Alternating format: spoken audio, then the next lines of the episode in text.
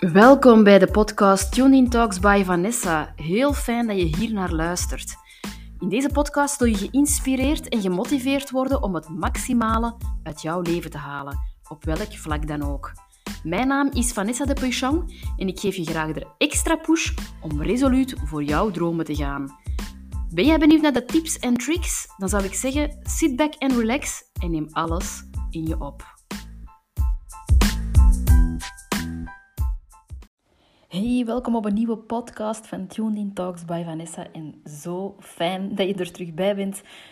Het topic van vandaag: je intuïtie liegt nooit. Nee, je intuïtie ligt effectief nooit. Nu, ik weet niet of dat het voor, voor jou al lang geleden is dat je nog zo eens een, um, een uh, teken kreeg van je, van je intuïtie. Um, dat je het voelde in, in je onderbuik. Um, dat je iets al dan niet zou uh, moeten doen. En of dat je dat al dan niet ook gevolgd hebt. Dat teken of het gevoel dat je toen kreeg. Nu, bij mij is het recent nog heel duidelijk geworden dat ik uh, beter moet leren luisteren naar mijn intuïtie. Um, dat ik niet de eigen wijze moet uithangen, maar dat ik uh, echt wel erbij mag stilstaan en mag, erop mag aangaan dat mijn intuïtie ook klopt. Waarom? Het is zo dat ik vroeger heel vaak bij mezelf dacht dat ik niet kon voelen. Um, dat ik ook mijn intuïtie niet uh, voelde of uh, dat ik die signalen niet kon opvangen. Reden te meer omdat ik zo ver van mezelf verwijderd was. Ik uh, voelde dat ik dingen aan het doen was in mijn leven die niet echt vanuit mijn intrinsieke zelf kwamen. Dus dat ik mijn verlangens helemaal opzij had gezet voor de verlangens bijvoorbeeld van mijn partner of van anderen. Dus alles eerst voor een ander en dan pas voor mezelf. En dat maakte dat ik veel te ver verwijderd geraakte van mezelf. Waardoor dat ik ook wegliep van mijn eigen gevoelens. Omdat ik wist van als ik daar naar ga kijken, dan kan er wel eens het een en ander naar boven komen wat ik graag allicht wil veranderen en anders zie. Um, en dat dat altijd wel toch wel een beetje ja, ongemak of stress met zich teweeg brengt in het begin, om dan tot die verbetering te kunnen komen. Nu, omdat ik met die overtuiging zat dat ik niet kon voelen, um, maakte dat ook dat ik mijn intuïtie ook nooit niet ervaarde. Dat ik nooit niet door had als mijn intuïtie überhaupt mij een, um, een, gewenst, een, een, bepaald gevoel kwam geven om een, uh, een keuze of een beslissing te maken. Nu, dat is gelukkig gaandeweg de jaren wel veel verbeterd. Ik uh, heb leren intunen. Uh, dus ik heb leren stilstaan bij mezelf.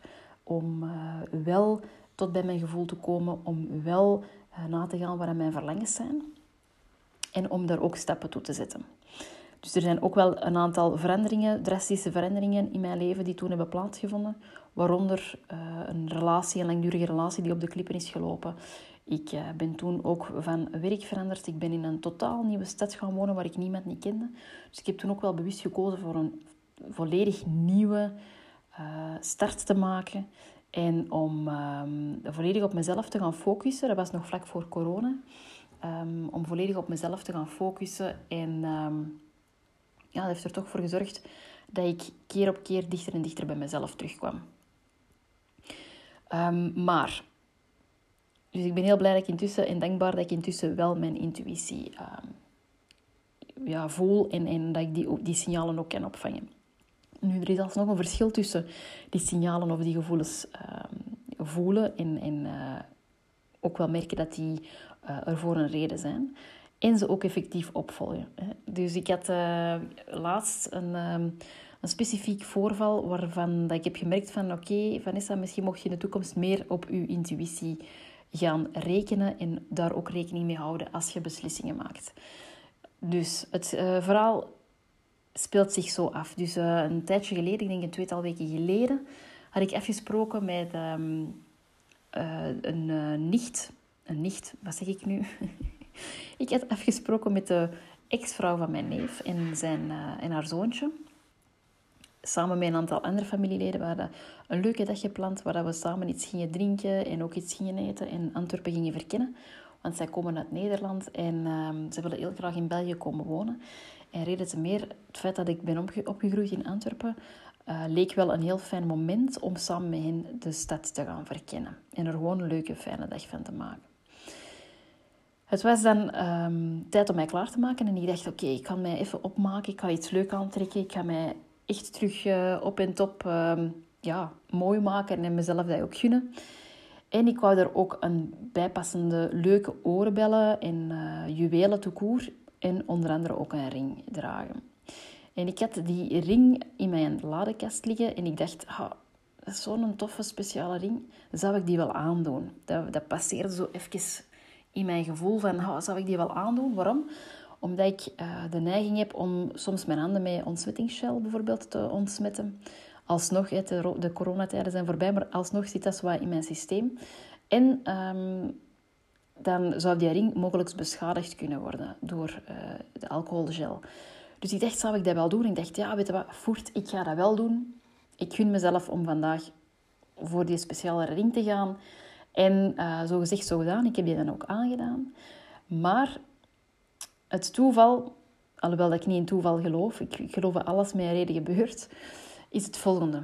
En uh, een dikke week op voorhand had ik een uh, artikel teruggevonden waarin dat er een dame ook um, het volgende verhaal vertelde. Ze vertelde het verhaal dat ze naar de supermarkt was geweest. Ze had een heel speciale, of twee speciale ringen aan. Eén van um, haar verlovingsring en de andere ring was voor de geboorte van hun dochter. En ze was naar de supermarkt gegaan, ze had die ringen uitgedaan en ze was haar handen aan het insmeren. Ze is dan nadien, zonder erbij stil te staan en zonder haar ringen aan te doen, uit de wagen gestapt, gaan winkelen. En pas later, ver later, toen ze al weg was, had ze ontdekt dat ze die twee ringen kwijt was. Ze was toen beginnen nadenken en toen viel haar frank dat ze die twee ringen mogelijk op de parking van de supermarkt was kwijtgeraakt. Nu, uiteraard zal er op dat moment paniek zijn geweest uit angst om die ringen niet meer terug te vinden. Wat heeft ze toen gedaan? Ze is in allerijl naar die supermarkt gereden. Ze is gaan beginnen zoeken. Maar er was altijd overheen gegaan. En ze heeft die ringen toen ook niet meer gevonden. Ze is toen in gesprek gegaan, ook met de uitbaters van eh, de supermarkt, om de camerabeelden van de parking op te vragen. Nu, die camerabeelden opvragen, dat is niet zomaar iets dat zomaar ook gebeurt. Dus ze heeft er echt wel heel hard voor moeten eh, lobbyen om die camerabeelden te bemachtigen. Of om ze in te kunnen inkijken en om na te gaan of dat iemand die ringen had meegenomen. En achteraf bleek effectief, nadat ze die camerabeelden dan toch hebben uh, ja, bekeken samen of hebben vrijgegeven, hadden ze gezien dat er iemand effectief die ringen had meegenomen. Ze zijn dan via de politie uh, op zoek gegaan naar de persoon die dat die ringen effectief had meegenomen. En ze zijn erop uitgekomen en ze heeft haar ringen na veel vijven en zessen teruggekregen. Nu, dat is uiteindelijk een verhaal met een heel leuk of happy end, als ik het zo mag stellen. Fijn dat ze die ringen terug had, want ja, emotionele waarde is effectief wel uh, iets wat pijnlijk kan zijn. Hè. Uiteraard zullen die ringen ook wel een, uh, een grote materiële waarde misschien hebben gehad, omdat dat twee speciale um, momenten toch zijn die uh, met een hele mooie ring soms ook bekrachtigd worden. Hè. Maar in mijn geval, dat was dus het artikel dat ik een week van tevoren had gelezen.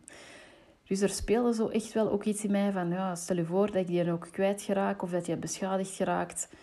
Maar ik dacht, voert, ik doe dit toch om. Je kunt het al raden wat er gebeurd is.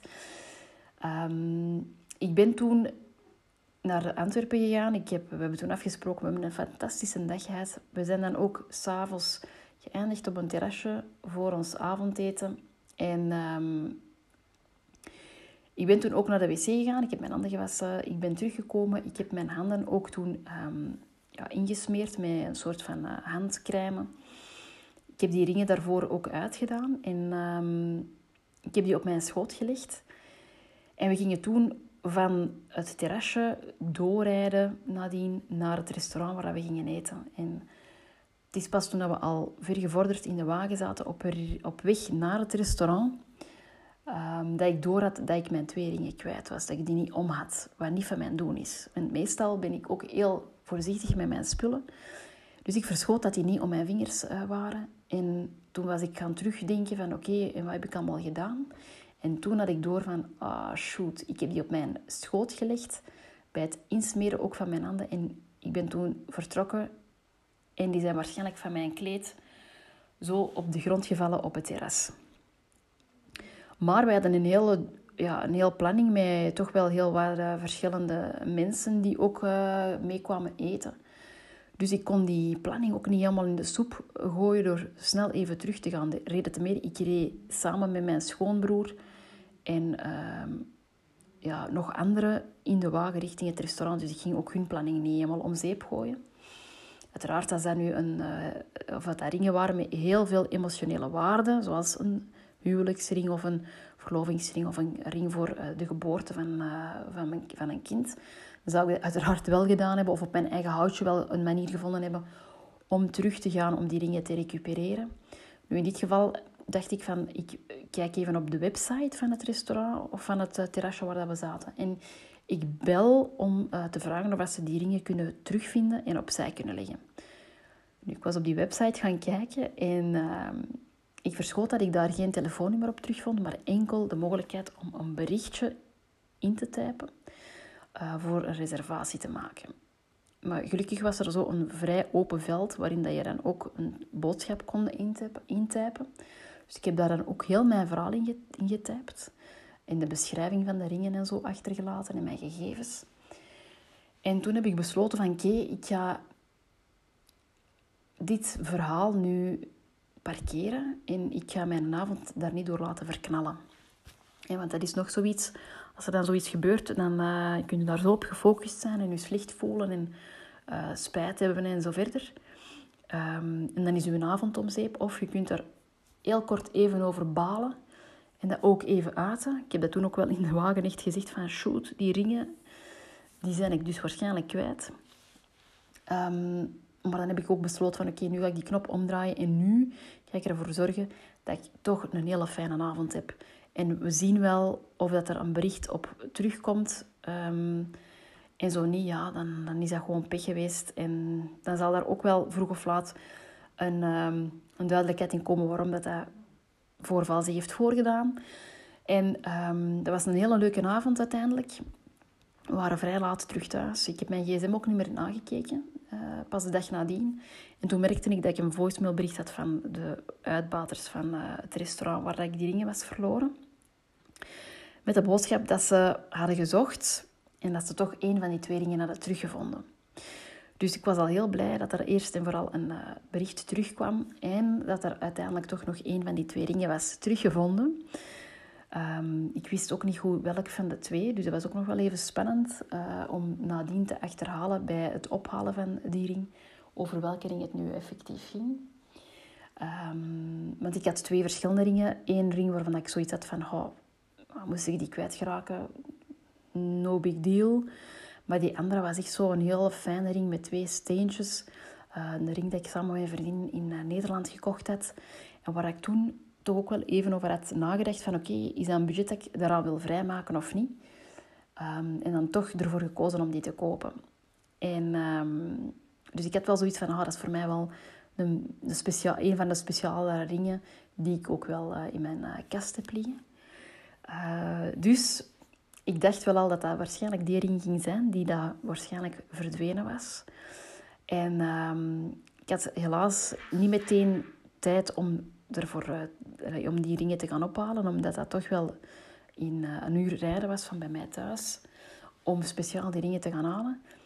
Uh, dus ik heb die ringen ook pas ehm, een dikke week later gerecupereerd, of die ring pas een dikke week later gerecupereerd. En het was effectief de tofste ring dat kwijt was.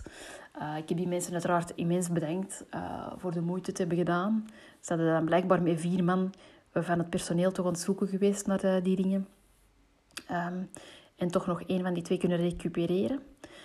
Um, maar dat was dus voor mij echt wel een, uh, een lesje van oké, mijn intuïtie had gelijk. En aan de andere kant had ik ook wel al een soort van waarschuwing door ook het artikel dat mij ergens ook wel getriggerd had, dat dat mogelijk kon gebeuren. Nu, ik had zoiets van, ja, dat gaat mij niet overkomen. Omdat ik altijd wel heel uh, ja, voorzichtig ben en, en goed omspring met mijn, uh, met mijn spullen. Maar kijk, het is mij toch gebeurd. Nu, ik heb nog een, het lege doosje van uh, die speciale ring. Zo'n heel leuk kistje zo. Ik ga het proberen omschrijven als um, een kistje dat ook uh, voornamelijk uit glas bestaat. En dat is zo een ehm, klein doosje dat je zou kunnen, ehm, kunnen gebruiken voor een verlovingsring of een trouwring. Dus ehm, dat doosje ligt nu leeg in mijn uh, lade. Ik ben super benieuwd. Ik had ook al tegen mijn vriend verteld van... Uh, wie weet, komt er ooit een moment dat daar een super speciale nieuwe ring in komt te liggen. Dus uh, mijn knipoog had ik dat zo tegen hem verteld. Hij moest ermee lachen. Um, en ja, kijk, wie weet kan ik hier ooit een vervolg aan breiden. Dat dat effectief is uitgekomen. Want het is toch ook wel een droom van mij om, uh, om te trouwen. Dus um, kijk, to be continued. Maar de vraag van mij aan jou is... Heb je ook bepaalde momenten dat je je intuïtie voelt? Hè? En um, luister jij er dan naar of niet? Want jouw intuïtie liegt dus effectief nooit. Tot de volgende podcast. Geniet nog van jouw dag. En ik zou zeggen, ciao.